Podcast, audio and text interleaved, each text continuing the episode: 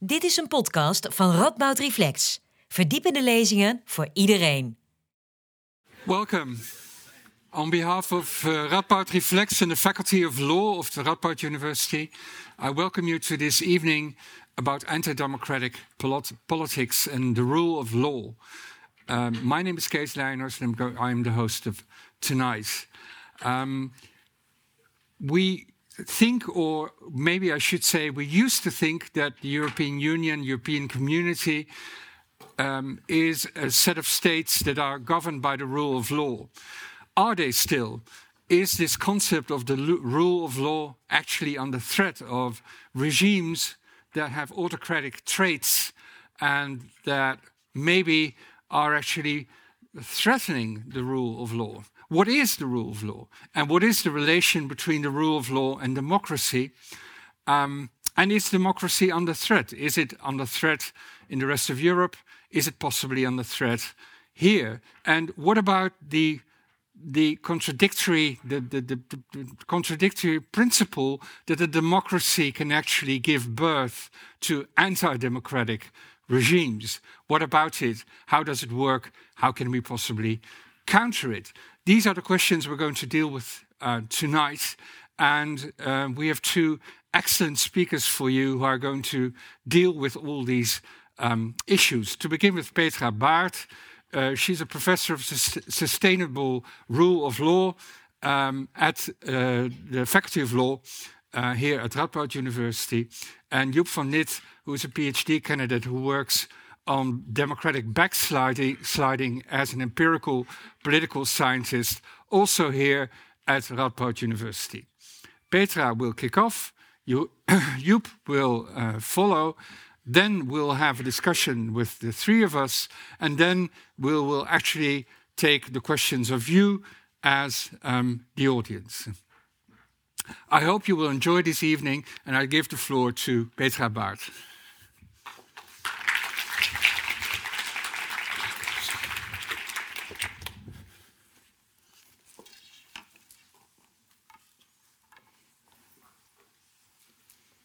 Thank you very much for, for the kind introduction. Um, I will immediately jump into uh, today's topics. I, I want to address three issues today. The one being the rule of law, democracy, and fundamental rights that we will talk about, what it is. Uh, the second being value violations across the European Union. And the third is what the European Union can do about them and what you can do about value violations as European citizens. Uh, so, first, let, uh, let me say a few words about the rule of law, democracy, and fundamental rights. And I really promise, despite being a lawyer, I won't list laws, neither regulations, directives, and, and, and provisions, especially not with number. But uh, excuse me for once referring to Article 2 of the Treaty of the European Union. This really captures the essence of what the European Union is Article 1, it doesn't say anything. It says, hi, this is the European Union Treaty. Article 2 really tells you that the European Union is a peace project. It's about uh, pluralism, tolerance, justice, solidarity, equality, and so on and so forth. But there are three overarching principles that are there in all policies and laws uh, behind uh, European integration. And these are the rule of law, democracy, and fundamental rights. Now, you will more talk about democracy. I will more talk about the rule of law. Um, and then we will also add fundamental rights. There is a tendency these days to translate everything into the rights language. We have the right to uh, the of, of, future generations, the right to security, the right to uh, whatever you what, whatever makes you happy uh, in life. But um, I, I very much try to resist this phenomenon. Not everything can be translated into the rights language, even though the rule of law, democracy, and fundamental rights are closely interrelated. So we will talk about very similar topics today. Uh, let me give you a couple of examples. Democracy without the rule of law and fundamental rights might turn into the dictatorship of the majority. Uh, think about, for example, judicial independence. It's really the core essence of the rule of law. Without independent courts, there is no person, there is no entity that can grant you your rights. So it's closely interrelated with fundamental rights. Or think about democracy. Democracy, especially deliberative democracy, can only function if we can conduct meaningful debates about public affairs. And we can only conduct meaningful debates if we have access to information. Again, another fundamental right is being respected. Uh, otherwise, uh, you are left with um, with guesses, with paranoia, with tweets, with Facebook, then you don't, if you don't have access to government information, or if you don't have access, for example, to research results, so that's why, and I perhaps should emphasize this in this uh, building, academic freedom is not respected. So uh, we have these interrelated values um, that, um, as, as, as Jürgen Habermas previously said, and more recently Sergio Carrera and, and, and his co-authors mention and emphasize this in relation to the European Union. But what is the rule of law, uh, the value that I focus on? And here I brought you a definition. We don't have to read through it, but it's like legality, transparency, accountable, pluralistic lawmaking. It's, um, it's, it's independent judges, it's um, fundamental rights, uh, access to justice, separation of powers, equality before the law. Now, I could have taken many other examples and, and, and lists of what uh, the rule of law entails. It was a very deliberate choice by me to take this one because this is actually a quote from a European Union piece of law. So, especially in liberal governments, uh, those who violate the rule of law, they tend to say that the rule of law is something that you cannot capture, it cannot be defined. It's, it's, it's such an elusive concept. Now, it's not. We do have a definition of the rule of law, and we have a hard law that needs to be enforced in the European Union. It's another thing that the rule of law can be achieved in multiple ways. Martin Krygier, who talks about tempering power, which I will uh, address in a minute, tends to say that it's like a do it yourself who goes to a hardware store and no one wants to buy a Black and Decker in a in a hardware store everyone wants to hang a picture on the wall. It doesn't, doesn't matter how, but the picture should be hung on the wall. It's the same thing with the rule of law. It can be achieved in many different ways. Finland, for example, doesn't have a constitutional court. It doesn't mean that there is no constitutional review in Finland. It doesn't mean that Finland is not a liberal democracy. You can achieve a rule of law state this or that way. Now, I, I also mention Martin Krygier because he's the person who uh, emphasizes one uh, specific aspect of the rule of law, and this is the following it should temper power. Power is not terrible in and of itself power is important to realize many, many things. For example, security. The state has the power of coercion in criminal law. Without the state power of coercion, we would all engage in self-help. We would all engage in, um, in, in, in, violence ourselves. So we give the power, the, uh, uh, the state the power of coercion. But this power of coercion should be exercised in a legitimate way, and the state power of coercion should be limited. That is what the rule of law is about. For example, there shouldn't be any crimi- uh, criminal uh, convictions without laws. There shouldn't be any cr- criminal convictions without independent judges. The criminal sanctions shouldn't be inhuman, and so on and so forth. This is what he is talking about. Now, despite the fact that we have quite a clear vision of what the rule of law is, in a number of member states today we have very serious value violations, and these value violations they follow a very specific blueprint. It's called the autocrat's blueprint. And what we see is that the first entity to be captured is almost always the judiciary, especially the constitutional court um, in, in these countries. Then other state institutions are also being captured, whether it's the public prosecutor's office, election board, ombudsman, uh, central bank, and so on. Then there is a, a limitation of government criticism whether it's a shrinking space for civil society, a, a very, very typical uh, limitation of rights, or whether it's a limitation of academic freedom or freedom of the art we see um, media capture. So today's authoritarianism doesn't really work like a 20th century dictatorship. It's less direct censorship, for example, but it's more flooding the people with government propaganda. Uh, that's, that's the way to infuse people with, with disinformation. So, for example, you have a not so imaginary country, and maybe I should have started with a disclaimer my country of origin is Hungary, so I make lots of references to Hungary uh, for the sole reason that this is the jurisdiction I know the best, but also it's a nice illustration of what I'm saying. Uh, so you have captured uh, television, you have a television uh, which um, transmits government media. You don't have any channels which uh, which which give you uh, balanced information. You have radio which transmits government propaganda. You have free newspapers distributed to every household, which gives you the same messages.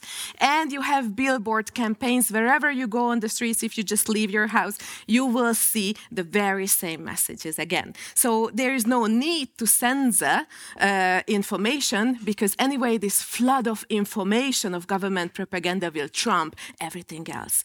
Um, then you have um, um, typically uh, repression of unfavored group, this is, this is the essence of populism. Whether these are traditionally unfavored group, whether the LGBTI plus community or the Roma people or prisoners, but also there are new groups. For, so, for example, in my home country, all of a sudden those women who gave birth in their homes became, uh, became enemies, or anyone who turned to the Strasbourg court or the Luxembourg court just because they made use of their rights, they became traitors of the nation. Um, then there is another characteristic, which is using and abusing emergencies, whether it's if, if, it's a pandemic or it's a war situation. It gives a, a, a possibility for the government to push through its agenda. Uh, I will give you a very uh, clear example when uh, COVID hit Hungary, um, a new emergency law was adopted on the basis of which people who underwent gender reassignment couldn't have their new gender registered uh, in their IDs. I just can't fathom how this is related to the fight of the pandemic. Uh, it clearly isn't. Um, and then uh, the uh, a very important segment is the distortion of election laws. And I left it last because this is closely connected uh, to democracy. Uh, but also to the rule of law. Even according to the thinnest definition of the rule of law in the literature, there need to be free and fair elections in which the governments can be changed. If, this, if that's not there, you can't talk about the rule of law, and definitely you can't talk about democracy. Now, according to the OECD, so that's not me saying, that's an international organization saying, for the third time in a row, it happened that Hungary had free elections, which weren't fair at the same time anymore for various reasons that I'm not going into, but I'm happy to uh, answer questions. Now, of course, all 27 member states do have systemic, do have uh, rule of law violations. Um, no state is immune from that, but here we are talking with regard to some member states systemic rule of law violations where there are governmental blueprints to entrench the power of the dominant party. That's the sole idea behind all policies and all legislations. Now, everything that I said so far is an EU matter. Why is it an EU matter? First of all, imagine that there are no free elections or no fair elections in one country. Uh, that, that means that members of the European Parliament will be sent in unfair elections to the European Parliament. These people will sit there and will vote on European legislation. Every single European piece of legislation will be delegitimized by these people. So this is a European matter. Uh, but also, um, there are certain laws, legal instruments, which are based on the presumption that every member state is a state based on the rule of law. If we share a piece of criminal data, for example, with another member state, that won't be abused to oppress political opponents, but it will be used in a proper way just for the sake of the criminal proceedings. Now, if it's not true, then data will not be shared, and this is the end of EU law as we know it. Uh, but also, and I just give you the uh, the picture with the um, basket with the rot- rotten apple. Rule of law violations become contagious. And we do see that illiberal governments learn from each other and they actually use very often the same tactics. So it should come as a surprise that despite these grave dangers for the European project, uh, project and the European idea, um, the European institutions fail to meaningfully step up against these violations. And it happened for a number of reasons that I will briefly go into. The prime reason being that no country in the in this part of the world would openly defy the dictates of the rule of law. No country including the liberal countries, say, well, we, we, are happily, we are proud of violating the rule of law. No, what they say is that they do adhere to the rule of law, but it's a different kind of a rule of law. Um, and this should be respected. Also, they use a lot of tactics. Sometimes they just deny that anything wrong happens.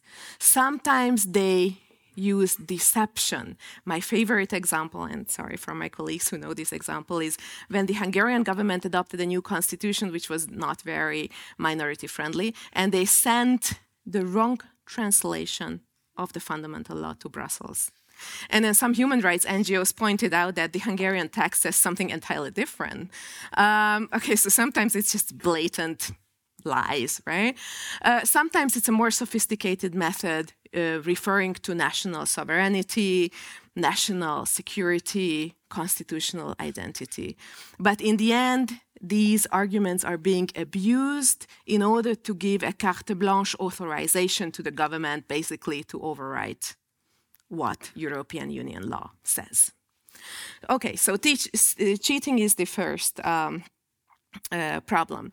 The second is category errors. It's very visible, for example, in the annual rule of law report of the Commission, which is an annual scrutiny of the rule of law in the EU. And what they emphasize is the equal treatment of the member state, which is indeed a very important value. But we know since Aristotle that the same situations have to be treated in the same manner, and different situations needed to be treated differently. So you cannot use the same benchmarks vis a vis democracies and autocracies. I will give you a very simple example. One thing that the Commission scrutinizes is whether court judgments are digitalized. It's very, very important for the transparency of court judgments. But it's even more important to have independent courts. If you don't have independent courts, but the judgments of the kangaroo courts are being digitalized, that's not a huge virtue. Uh, or take the media authority. Um, one thing that they check is whether it's well financed. But if your media authority is the main responsible for distributing government propaganda, then is it really a virtue to finance it well? Okay, so this is this is the problem with the different uh, benchmarks. Um, and I would uh, also highlight a, a, an argument that is being used by, uh, by European institutions uh, when they are blamed for failing to step up. And this is the lack of legal tools. We, no one envisioned at the beginning uh, in the 1950s uh, that a member state would take a U-turn towards authoritarianism. We don't have the tools to do anything. No member state can be uh, kicked out of the European Union, which, by the way, is true. But we have many, many tools to address rule of law backsliding. We have Article 723, uh, which has never ever been used in the history of European integration, only 7.1 uh, vis-à-vis Poland and Hungary, but this is just a preliminary procedure. Uh, the real sanctioning procedure is in 7 2 and 3, uh, on the basis of which even the voting rights in the Council could be uh, taken away. It has never been even triggered. Then there are infringement proceedings. As my colleagues have shown, there is a decline in infringement proceedings. These are the proceedings that are started by the Commission in an ideal case if a member state violates European Union law. There is a decline in these uh, procedures, and what is more, there are very few infringement ca- uh, cases with a rule of law element. And finally, uh, there is the power of the purse. So the distribution of EU money could be connected to uh, respect for the rule of law. This is an, these are instruments that are currently being tested. So instead of using these tools, the European Union entered into a phase of tool creation. Uh, it created more and more, mainly monitoring tools, uh, giving the pretense that it's doing something, whereas it basically becomes a bystander to rule of law violations across Europe.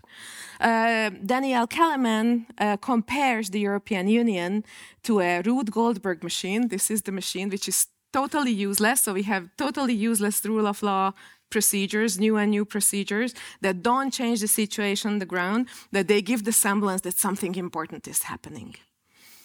Um, so, as John Morijn, another um, Dutch legal scholar, um, tends to say, it's not that we have too few instruments, it's only that we use them in a too late and too little fashion in the European Union. And finally, I, I wrote you a um, Hungarian cartoon. This is a very recent happening. Uh, you know that some uh, funds have been suspended vis a vis Hungary for violations of the rule of law and judicial independence, uh, in particular. Um, and some of these funds now have been released. Um, the European institutions argue that it happened because now Hungary adopted laws that finally make sure that judicial independence is respected. Uh, but unfortunately, if you look at these laws and the way they are applied, it's very far from the truth.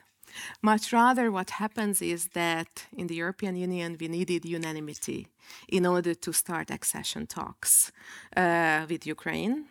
And the Hungarian prime minister vetoed these accession talks. Uh, unless the money is released. So the money was released, and um, still the Hungarian prime minister refused to vote in favor of Ukraine's accession. So the German uh, chancellor, Mr. Scholz, said, Mr. Orban, why don't you take our money, EU money, and leave the room and grab a cup of coffee? And this is what eventually happened. Mr. Orban left the room, and the other 26 member states uh, eventually agreed on starting accession talks.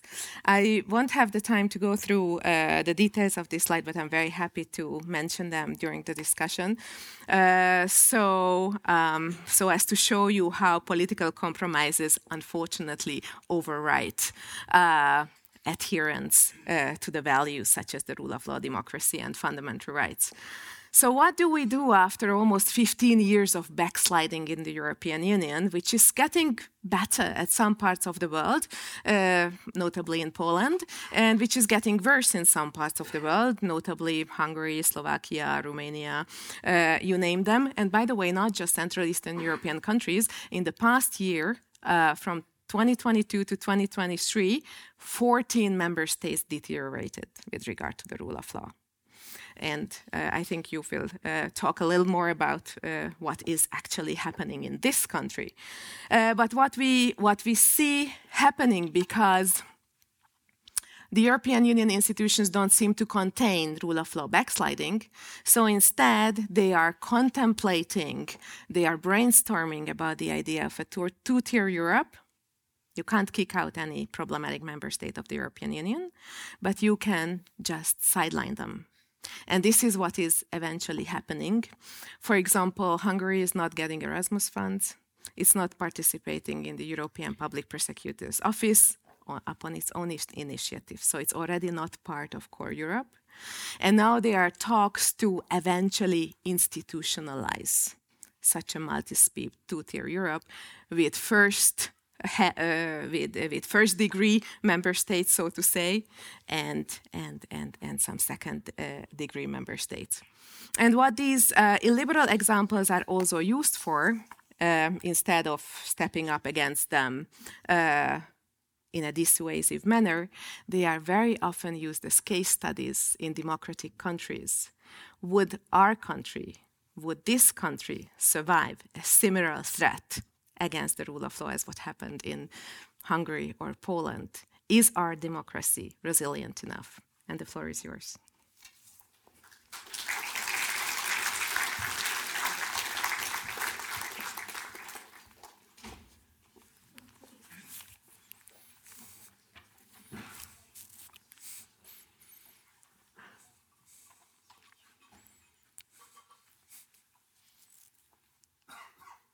Yes. Hi. Um, tonight we're talking about pretty big questions, pretty big themes, pretty big debates, both in science and in society. And I figured I've got about 20 minutes in a mini lecture, so I can just ask another big question. And the question is pretty simple Is Dutch democracy under threat? Now, here's the problem we've got to deal with. Um, I'm an academic. I don't do simple answers, even to simple questions. So instead of just giving you a yes or a no and spoil the next 20 minutes for you, uh, we're going to ask three questions about autocratization, three questions about anti democratic politics. Okay. And these three questions are the following. Our first question must surely be okay, let's define anti democratic politics, let's define autocratization and some expectation management here. Um, the theory, the big scientific debate about this is not settled and will only scratch the surface. But please bear with me a little bit because in our second part, what is happening in Europe, I hope to give some anecdotes, some examples uh, of what is happening in Europe uh, to see if we can learn from that. Because I think only if we've discussed what's happening elsewhere and what anti democratic politics actually are, can we apply it to the Netherlands, see what's similar see what's different, and see what we can learn from it. So, with that itinerary and expectation management out of the way, um, let's start with question one What are anti democratic politics? Um, if we talk about anti democratic po politics, we have to talk about democracy. Because the simple answer to what are anti democratic politics is, of course, any, any politics that threaten democracy. But like I said, I don't do simple answers. So if you say any threat to democracy is anti politics, my question would be so what's democracy? And I think we can probably agree all on the core values. It's about elections in which everyone's vote counts equally. It's about access to information so you can actually form your opinion. It's about voting in favor of parties and politicians that you like and against proposals and policies that you dislike. It's about the right to demonstrate, the right to protest, the right to a free and fair trial. But if we take a minute, we can probably come up with a whole lot more core fundamental elements. But probably at some point we come across a few that half of you agree with and the other half don't.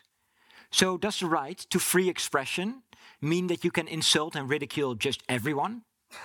Are referendums core to democracy or are they extra?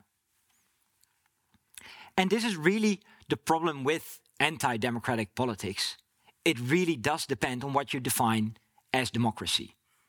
And we see would be autocrats around the world using this as a hook to say they're not just anti democratic, no, they're differently democratic. So tonight, we're going to be pragmatic about this, and I'm going to very undemocratically, on my own, decide what definition of democracy we're going to use. And our definition of democracy is going to focus on competitive elections, access to information, to formulate your opinion, and the ability to express that opinion. Right? For the political scientist nerds among us, this is polyarchy. If you're not a political scientist nerd, forget the term, just focus on competitive elections, inclusion of basically everyone, access to information, and the right to express your opinion. So in practice, this means every so often we elect about 150 representatives to a big building where they sit, deliberate, vote on proposals on our behalf. And these 150 representatives, of course, have to adhere to the rules of the game competition, inclusion of basically everyone, access to information, right to express yourself. And if those 150 people don't adhere to the rules of the games, that is anti democratic politics. That is autocratization. And in my research, I focus on a very specific type of anti democratic politics. And this is called incumbent led democratic recession. Incumbent led democratic recession is autocratization, anti democratic politics, that's being led, being initiated by the ones in power, the leaders, the incumbents. If you take anything away from this mini lecture, and if you're by any chance taking notes, please write this down. Uh, if there is a big threat to democracy around the world, I would say it is incumbent led democratic recession. around the world, in Europe, and perhaps in the Netherlands. Since about the 2000s, we see autocratization, and anti democratic politics, not only on the fringes of politics, on the fringes of the political spectrum in military coups, but also from within democracies, from within parliaments and by presidents, democratically elected presidents. This does not always result in a complete breakdown of democracy, but far more often in slightly diminished quality of democracy, slightly less open societies, slightly less rule of law. I study this specific type of autocratization, incumbent led democratic recession, uh, but mainly how to defend against it, the defense of democracy. Now, to give this academic definition a bit more body, we're going to turn to question two what is happening in Europe? So, back to the 1990s. Uh, after the fall of the Berlin Wall, all the Soviet states became independent and started to democratize. At first, this seemed quite a success story. All the countries organized elections, elected new presidents, new parliaments, and expanded their political and civil rights. Democracy, polyarchy, around the world was on the rise. Great story. Hungary and Poland were often hailed as the success stories of democratization and modernization, and in 2004 they joined the European Union. And conventional wisdom would tell us that will be dead, right? Once in democracy, it would take a crisis like a military coup to revert back to autocracy. But the conventional wisdom did not take into account the likes of Orban in Hungary, Hungary and Kaczynski in Poland. From the hallmarks of democratic success, they became the prime examples, two of the most widely studied cases of incumbent led democratic recession. So let's discuss very briefly what they did, what Orban and Kaczynski and people like them around the world did to undermine democracy. So remember that we define democracy as competitive elections in which everyone's vote counts basically equally. So when you, as an incumbent, as the leader in power, have the option to appoint members of the electoral board that organizes elections, you of course have a heavy responsibility to make sure that that board remains independent and as apolitical as it can get. So, because if you don't, then the area, the space for competition just becomes that slight bit smaller. So, of course, you make sure that there are no political games being played in the electoral board. Unless you don't both in Poland and in Hungary, the electoral board, in Dutch the kiesraad, was packed with loyalists. And this just ever so slightly tilts the balance in favor of the leading party, in favor of Orban's Fidesz, in favor of Kaczynski's Law and Justice Party. And this one action might not mean all that much, but when it is combined with other actions, it starts to add up. So in Hungary, the elect electoral districts were redrawn so that not every vote really counts equally. And you already mentioned the example of the billboards. Outside of the campaign period, uh, campaign messages were disallowed unless it was pro government, because then it was public information. So that's fine, of course. And in Poland, the electoral threshold was raised so that smaller parties could less effectively join in the elections. And when they were able to join, the debates in parliament were cut short or postponed so that the opposition voices cannot be heard. This starts to add up, and these first instances of autocratization add up to bigger and larger backsliding. Now, before I discuss two other tactics in which incumbent led democratic recession occurs, I want to emphasize that it's not just Hungary and Poland, it's everywhere in Europe. So let's look at one of these other cases Croatia. In Croatia, incumbent led democratic recession, uh, anti democratic politics, has been a little bit less pronounced, but it still happened. So at first, government employees were no longer allowed to appear on TV programs, on TV networks that were critical of the government. And you might sort of understand this, right? Because if you're a government employee, you appear to maybe speak on behalf of the state. So if you have any disputes, solve them internally and don't air the dirty laundry. We might have sort of understand this. But then the leader of the national broadcasting company, the uh, the Croatian NOS, basically, was also appointed as a party loyalist. And then critical programs on this public broadcaster were also cancelled. So now we're no longer interfering with elections and parliament, you know, the strong cores of democracy. We're already a little bit more on the outside, interfering with citizens' access to information. This is still democratic recession, still anti democratic politics, but you understand it requires already a little bit more nuance, a little bit more explaining before we can say so. Now, a third tactic.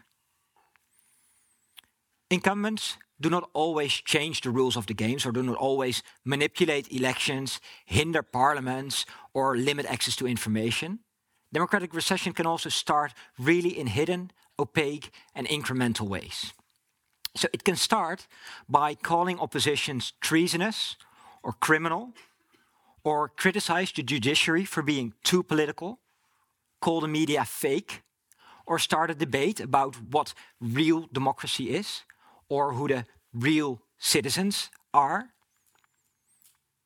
But we really get into the muddy waters here. Because, of course, politicians should be critical of other politicians. And if the judiciary steps outside of its bounds, of course it needs to be called back. But research has found that these very first instances, these very first breaches in the system, can already lead to autocratization. This delegitimation of opponents does not have directly to do with competition, inclusion, freedom of expression, access to information. But it's a lot easier to ban a political party from elections if it's treasonous, or to exclude spies from the public debate. So officially, everything is fine, but unofficially, under the surface, we can already see these first instances of autocratization. So now you might say, these are all still examples from Eastern Europe, right? Post communist, whatnot. These countries don't have the strong democratic tradition, the history, the legacy that we in the Netherlands have. But it doesn't just happen in Eastern Europe. From Eastern Europe to the inventors of democracy in Greece, from India and South Korea to the United States, these first instances of autocratization, these tactics, are copy pasted around the world. And this leads me to ask question three How about Dutch democracy? Might that be under threat? Now, disclaimer um, I'm not here tonight to lecture you about the dangers of the radical left or the dangers of the extreme right. My topic of expertise is incumbent led democratic recession. And one of the uh, maybe detriments of the field is that we cannot predict the future. We can only look back at what has already happened. So I cannot tell you tonight that the new coalition might harm democracy. I cannot tell you tonight that in two months or so, Dutch democracy will break down or that we finally will rank first on any global democracy index. What I can do is look at other countries and see how that resembles what has already happened in the Netherlands. And I think that's why the answer to question two, what happening elsewhere in Europe, is so important. Because that gives us the information to try and recognize what's going on in the Netherlands and remedy it before it's too late. Now, is Dutch democracy under threat? Um, I am still an academic, and I won't give you an easy answer. Instead, I'll give you three answers, and you'll have to make up your own mind. Is Dutch democracy under threat? Answer one no. According to the state of the art, according to any global democracy index measurement or ranking we have, since 20, or up until 2022, Dutch democracy has not seen a substantial decline. Our elections are absolutely free and fair. There are many civil liberties and political rights that are protected by law and in practice. So, this is our baseline. We are doing quite well. Is Dutch democracy under threat? Answer two. Maybe. Amnesty International has signaled that since 2019, the right to demonstrate and protest in the Netherlands has diminished somewhat. And uh, Reporters Without Borders always publishes a yearly ranking of freedom, press freedom around the world. And in 2022, the, uh, the Netherlands was downgraded from 6th to 28th. We've been upgraded again, but still. And academic freedom has been on the downturn as well. Not because of explicit censorship, new rules, or regulations, but more implicitly under the surface because of pressures from society, vizier op links, but also because of pressures from universities on what to publish or what not to say.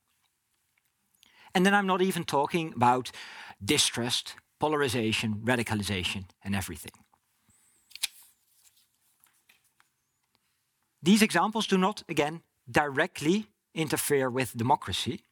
But again, research has shown that, for example, limiting academic freedom and increasing polarization can lead as a precursor to autocratization. And based on what we discussed before, what's happening in other countries, we have to be careful that these first dents in the system do not turn to breaks or full on breakdowns. Now, answer three Is Dutch democracy under threat? You might have guessed it. Yes. Autocratization often occurs gradually. And I am hopeful and optimistic that in the Netherlands we will not see a military coup d'etat, the army taking over. We will not see, for the time being, electoral fraud, ballot stuffing. And we will not suddenly see a constitution that limits the right to vote to a privileged class. But when I look at the more subtle manipulations of democracy elsewhere, I do recognize some of that going on in the past few years in the Netherlands. And there's one thing that I want to highlight as a very first instance of this tiny process of autocratization going on in the Netherlands. In a democracy, access to what the government is doing and why it is doing it is vital. And this is not just extra, it's core, front, and center. Both so that parliaments can check and balance the executive, but also so that citizens can know what's going on and base their vote on it. In the Netherlands, there are myriad ways to access this information. And one of, one of them is the Open Government Act, the Wet Open Overheid. Officially, government ministries have about 42 days to respond to these information requests. But a study from 2022, and before that, the Volkskrant in 2019, has found that on average it doesn't take 42 days. On average, it takes 161 days for government ministries to respond to these requests. This is a fourfold extension. Depending on the ministry, it can, about 50 to 90% of all the information requests is taking longer than the legal time frame. And when a decision is reached, often there are pieces blacked out for whatever reason because it was a private consideration of the bureaucrat. Now, I understand that some information is sensitive, and I recognize that some decisions are very difficult. And we all know that bureaucrats do work very hard and very diligently. But from a democratic recession standpoint, from a democratic recession point of view, this first breach of transparency is worrying. I would argue it is similar to the delegitimation of opponents we discussed before. It is too close to democratic recession not to sound the alarm about it. So, yes, for me, this breach of transparency is a threat to democracy. To conclude, I need to be very clear that there's many, many steps between where we currently are and autocratization. So that means there are many, many opportunities for us, for you, for me, for journalists, academics, judges, and politicians, and again for you and for me, to step up, to step in, and to do something about this. We need to defend democracy, because that is what a democracy under threat needs vigilant citizens who are critical of politics. Not distrustful, but critical. And we need to recognize, we need to learn from the cases around us and see what is similar and what is different. From where we are standing right now, we cannot see if some actions, proposals, or political cultures might lead to autocratization in the future. but we can and should recognize if they resemble the starts of autocratization elsewhere.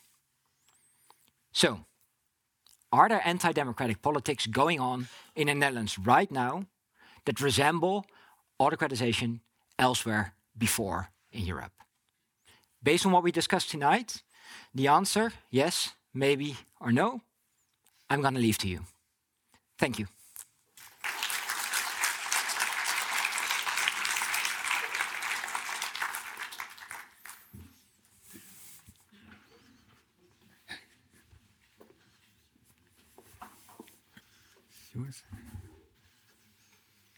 Yes, thank you for very thought-provoking uh, lectures. Um, I'm I'm afraid I'm a philosopher, and I'm I like I like clear concepts, and um, and, and, things are still a little bit foggy in my head. F first of all, um, the concept of the rule the rule of law. Uh, the you had a very rich concept uh, which was almost all encompassing from free media to uh, whatever whatever there was. Um, and I I was I was wondering. Um, you mentioned also uh, several uh, political rights, for instance, and I saw an overlap between democracy and rule of law. And you, you shortly talked about the interconnectedness between democracy and the rule of law. But what is the connection exactly? That still eludes me. Maybe a question for both of you. Maybe you first. I, I, I do believe in the triangular relationship of uh, democracy, the rule of law, and fundamental rights, yeah. if I may add that. Yeah.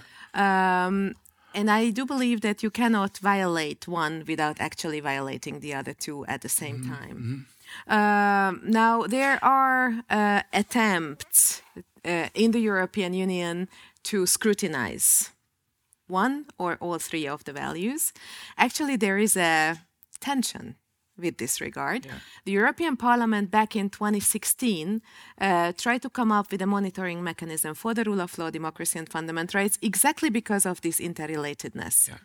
Uh, but the Commission uh, just hated the idea. Mm-hmm. Uh, the Commission instead came up with its own rule of law, but exclusively rule of law mechanism. And this is the annual rule of law report, which yeah. is still a very soft mechanism because it doesn't result in legal consequences or in sanctions. Um, now, because it's very difficult to distinguish these three elements, mm-hmm. even though they are not the same, uh, but they are very closely interrelated. Um, we tend to push the Commission, we some some scholars, and I, I, I recently published with Laurent Pech on this.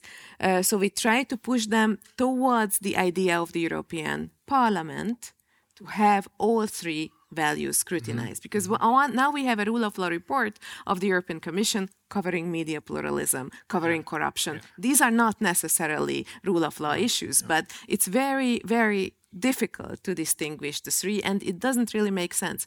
Now, just one very brief. Um, um, comment on the importance of the difference. For example, when there was a forced retirement of judges in Hungary, right at the beginning of illiberalism. The Commission treated this case as a fundamental rights case, as an age discrimination equality case mm-hmm. of the judges. Mm-hmm. What's the legal remedy in discrimination cases? It's compensation. And this is what eventually happened. The judges got compensation and they had to stay in retirement. Mm-hmm. If it's treated as a rule of law case, then the judges have to yeah, be reinstated. picture, yeah. because that this is not a labor law equality mm-hmm. dispute mm-hmm. of the judges. This is a rule of law issue of society as a whole. That's the difference. Yeah i get the picture. Any any comments on this? Yeah many. No um so from my perspective rule of law is is something more extra on the basic idea of democracy. And i think it's something very worthwhile but empirically it's very hard to distinguish if it, if it's a rule of law issue or a democracy issue. So that's why in my talk and many democracy scholars around the world sort of stick to the easy bit, which is elections and right to express yourself, the, the polyarchy uh, understanding of democracy. And that, that we can easily measure and see what's going on around the world. And rule of law is on top of that. And then we get into the idea of what liberal democracy is. This is more than just elections, more than just uh, the right to vote and access to information. It's about checks and balances that governments cannot just do everything, they need to restrain themselves as well. Just because they have a minority, they cannot really change minority rights because they need to be protected as a value in themselves. So when you add these extra bits, which are very important, you extend the definition of, of democracy. You make it already a bigger topic than we already are able to discuss. Mm-hmm. So, from a political science standpoint, from an empirical political science standpoint, I stick with the basic, the, maybe a minimal, a thinner definition, a thinner understanding of democracy, just to be able to research it. But I completely agree that in very many cases, we see democratic recession, anti democratic politics, starting in those liberal aspects. They do not start with just getting rid of elections, getting rid of information or uh, plural media. They don't start there. They start on these very soft, on these extra bits. Maybe not have judges not rule on financial topics. Let's just have them rule on whatever is not financial. Mm -hmm. And then you limit the checks and the balances that are there. But you can still say, we're a democracy. We have elections. Other countries have politicized judiciaries. We are a democracy. Yeah. So I recognize that we start often in the liberal dimensions, but I really like to keep them separate to, to just for my own sake that I can do my research. Yeah, I can imagine. Um, next question. It's, it's again, it's a question for you. Um, so you talked about you had these three answers, um, and one, one, the most interesting one I've, I found was the yes answer, um, uh, where you talked about the the, the right of information. Um, and the way uh, that in practice, so it's not in theory or legally, but in practice, it's actually the the rights not exercised in the in the in, in the right way. Um, now, if you compare that to the kind of thing that's happening, the kind of threats to the real threats to democracy that are happening in the home country of uh, of Petra, I, think well, this is something we can bear. So, so this, if if this is anti-democracy, please give me anti-democracy. Uh, if that's if, if that's the only thing that, ha that, that that happens, how do you see the relation from? Do, do you see a slippery slope here? Are we? Is this a first sign of something that might happen, or how do you see that? Yeah. So the big risk here is that you cry wolf, that you give an alarm yeah. when nothing is going on. Yeah. That is the big risk because if you do it too often, then people will think, oh, he's just the guy who cries about democracy and there are a few like him, but everything is fine. It's not like we're in Hungary or wherever. So there is a risk in sort of sounding this alarm too quickly. But at this current moment in time, we cannot see if this breach of transparency, the diminishing of democratic norms in society, is just an up and down of regular politics, or if it's a first instance of that slippery slope. So I'm very aware of the slippery slope argument and that we should not engage yeah. with it. But at this moment in time, we don't know if it's going to go well of, or if there is actual danger and it might evolve into. Why don't we know that? because I still can't predict the future. Yeah. And we can see many cases where it went wrong. Mm-hmm. But there are also many cases where limiting democratic rights for a short amount of time just went well. And then afterwards we reinstated them and democracy was fine. It's also a matter of politics, what you prioritize and what not. Yeah. Yeah uh, talking about the curbing of democ democ democracy, uh, because I can talk I can talk about democracy because you, you talk about the interrelatedness between the three concepts of fundamental rights, democracy, and the rule of law. Um, you have this paradox, and uh, it was mentioned briefly. Um, um, uh, about the fact that Orban was originally elected in free and fair elections, wasn't he? Uh, and then he started his party started, you know, sort of uh, fumbling around with with the, the, the whole electoral uh, electoral process. So you can't you can no longer talk about completely free and fair uh, elections. But the original point is that we have a democratically elected leader. Um, this is this is a strange contradiction. It's strange principle that is uh, somehow inherent to to uh, democracy. Mm-hmm. So is democracy not all fine? What and what can we do about it? Um, so yeah, what to do about it? Course, I have to jump back in history because yes. before 2010, between 98 and 2002, there was already a Fidesz government. Yeah. And I think the lesson that Orban learned is that he cannot leave any leeway. Yeah. So all the critics have to be silenced and all yeah. his people have to be embedded in important positions who, who must be elected for a very long uh, period of time. But you are perfectly right. Uh, there were free and fair elections back in 2010. Um, but that um, translated, even though it was a little more than 50% of the votes mm-hmm, cast mm-hmm, in favor mm-hmm. of, uh, of his party, that translated because of the election laws into a two third majority. Yeah.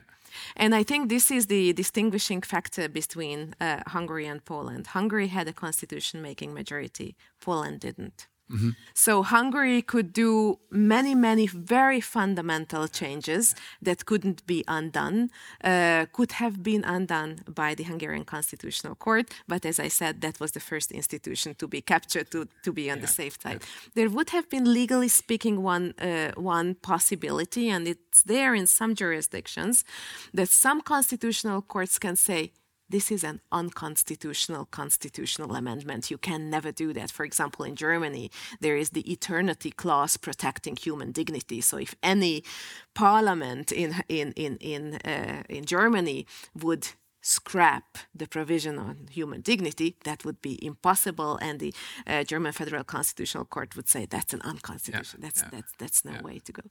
Uh, but the Hungarian Constitutional Court didn't have this power. So basically once you have a new constitution once you have a captured constitutional court that's already a battle half won. Mm-hmm. Um, in Poland, at the same time, they had to do everything through the back door because they didn't have a constitution making majority. So everything was much more brutal, much more visible, like the government not publishing constitutional tribunal judgments that they didn't like. I mean, yeah. it was a very blatant violation of the rule of law, yeah. um, uh, obviously. But once you have that, you really can always rely on democracy, understanding it exclusively as the majority rule, yeah. without any constraints of the rule of law. And that exactly is what a liberal democracy cannot um, allow to happen. It cannot allow, but what can cannot we do? allow because the rule of law constraints are yeah, supposed to yeah, be there. Yeah, yeah. In a liberal democracy. And and, and you briefly mentioned uh, you talked about possible measures, possible things we can ca- we can we can do we can do. Um, to to counter to counter this. Uh, but it seems that in Europe these these these possibilities are not really exhausted uh, yet. Uh, so what, according to you, should be done? What what what what exactly should be done to counter this? Um, I have very, very specific suggestions uh, yeah. to the European institutions. When it comes to Article 7, use the sanctioning prong of Article 7, 7 2. So don't don't go for the preliminary. Can you explain a little bit more. Uh, so Article seven has two prongs. The one is a preliminary prong. It just says that there is a potential danger to systemic violations of values, and at the end of the procedure there is no sanction. It just states that there is a danger period. Mm-hmm. Okay. Mm-hmm. Uh, according to Article 7, 2 and 3, that's the sanctioning prong of Article 7.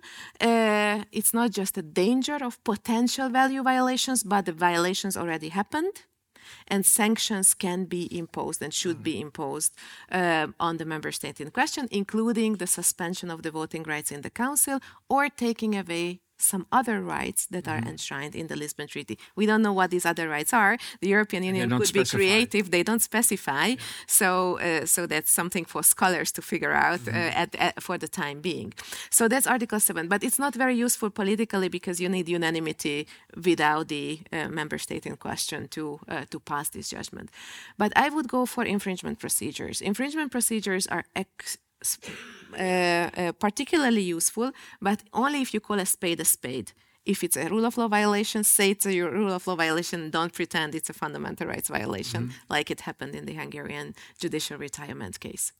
Also, time matters. It's very it's a very important lesson from Poland and Hungary. Time is always on the side of the authoritarians. Just imagine that judicial capture happens. Mm-hmm. The European Union is silent. You have new judges elected in an illegal procedure, mm-hmm.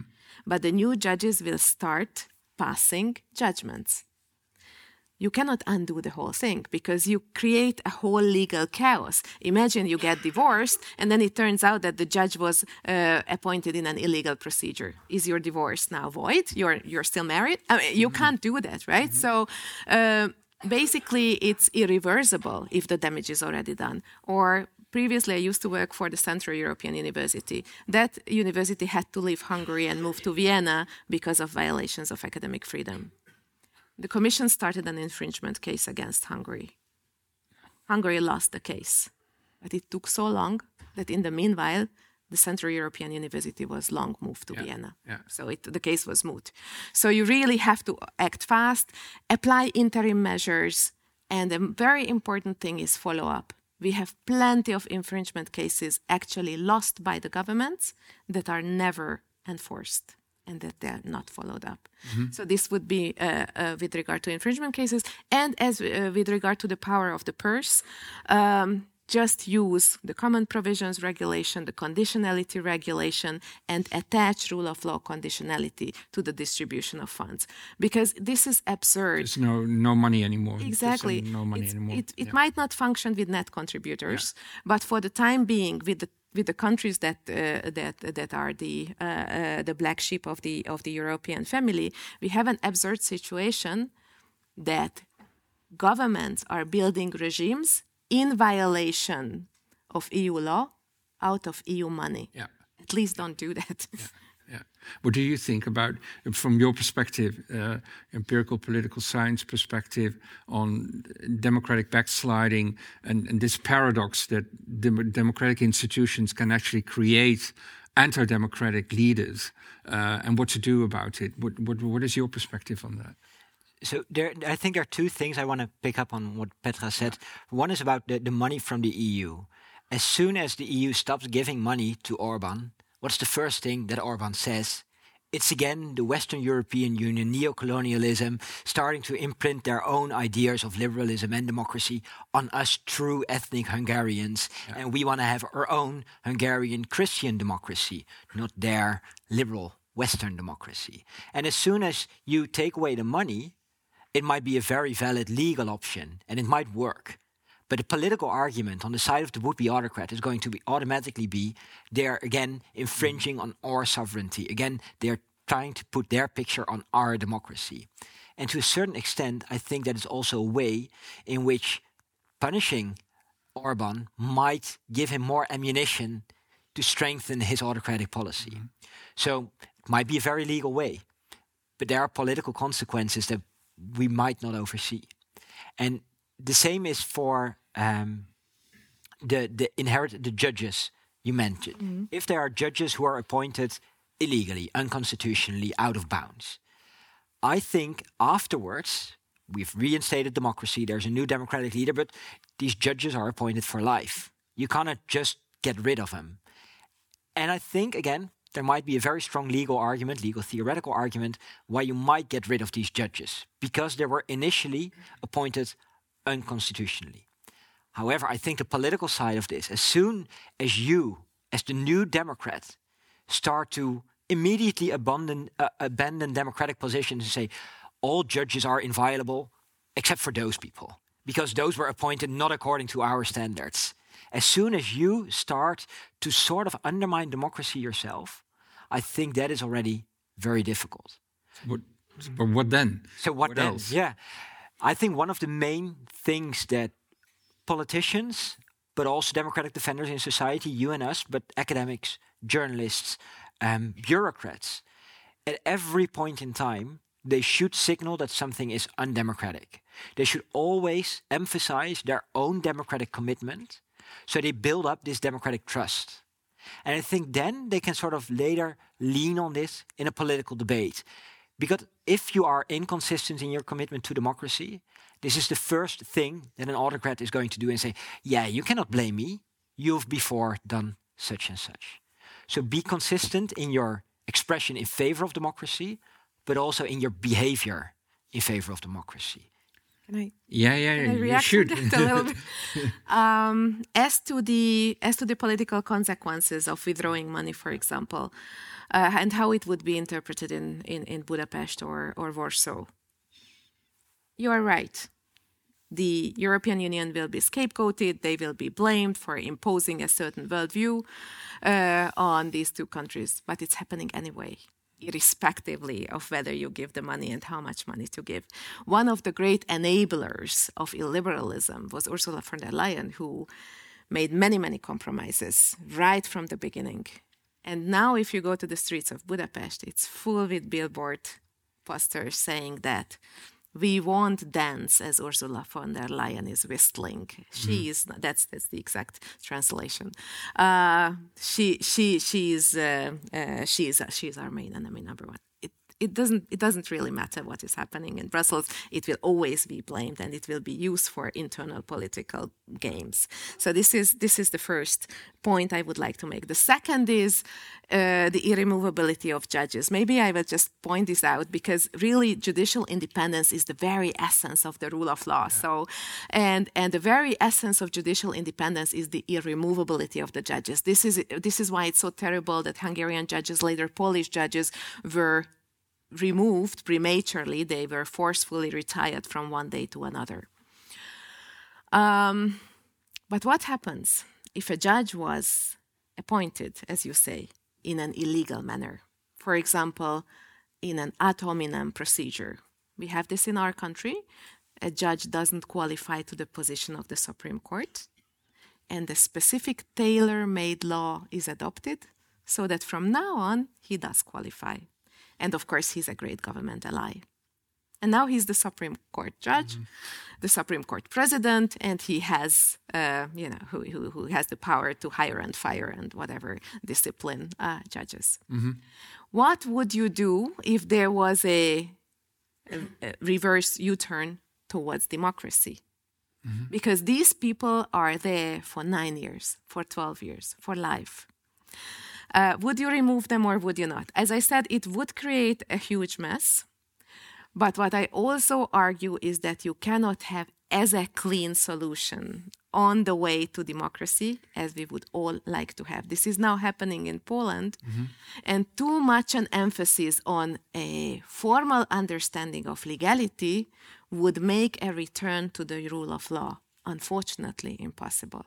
And of course, I see the political connotations. All the current opposition in, in Poland are already saying that you are against the rule of law because you want to change uh, the situation on the ground. It's going to happen, but you cannot have a crystal clear, clean uh, return to the rule of law that we would all love to have. Now it's uh, your turn. Um, I don't really know how to follow up on this. Okay. So maybe But so the, the, the, so the, the point the point is that um, if you if you stick to the to the democratic response to un, undemocratic um, uh, uh, behavior, um, you might actually end up um, uh, keeping keeping un- the undemocratic or anti-democratic elements in the situation upright. Uh, so this this is what what the examples.